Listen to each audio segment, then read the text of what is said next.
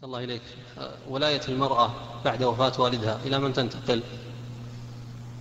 في, في النكاح قصدك؟ نعم. نعم. أولى الناس بالتزويج الأب ثم الجد من قبل الأب وإن على إذا كان لها جد من قبل أبيها فهو أولى. فإن لم يكن لها أب ولا جد من أبيها انتقلت الولاية إلى أبنائها إن كان لها أبناء.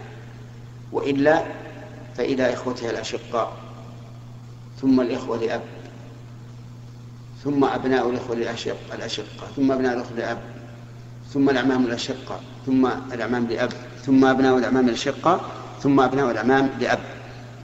فإذا لم يوجد لها عصبة أو كان عصبتها في مكان بعيد لا يمكن الاتصال بهم أو كان عصبتها قد قد امتنعوا من تزويجها من هو كفر زوجها القاضي.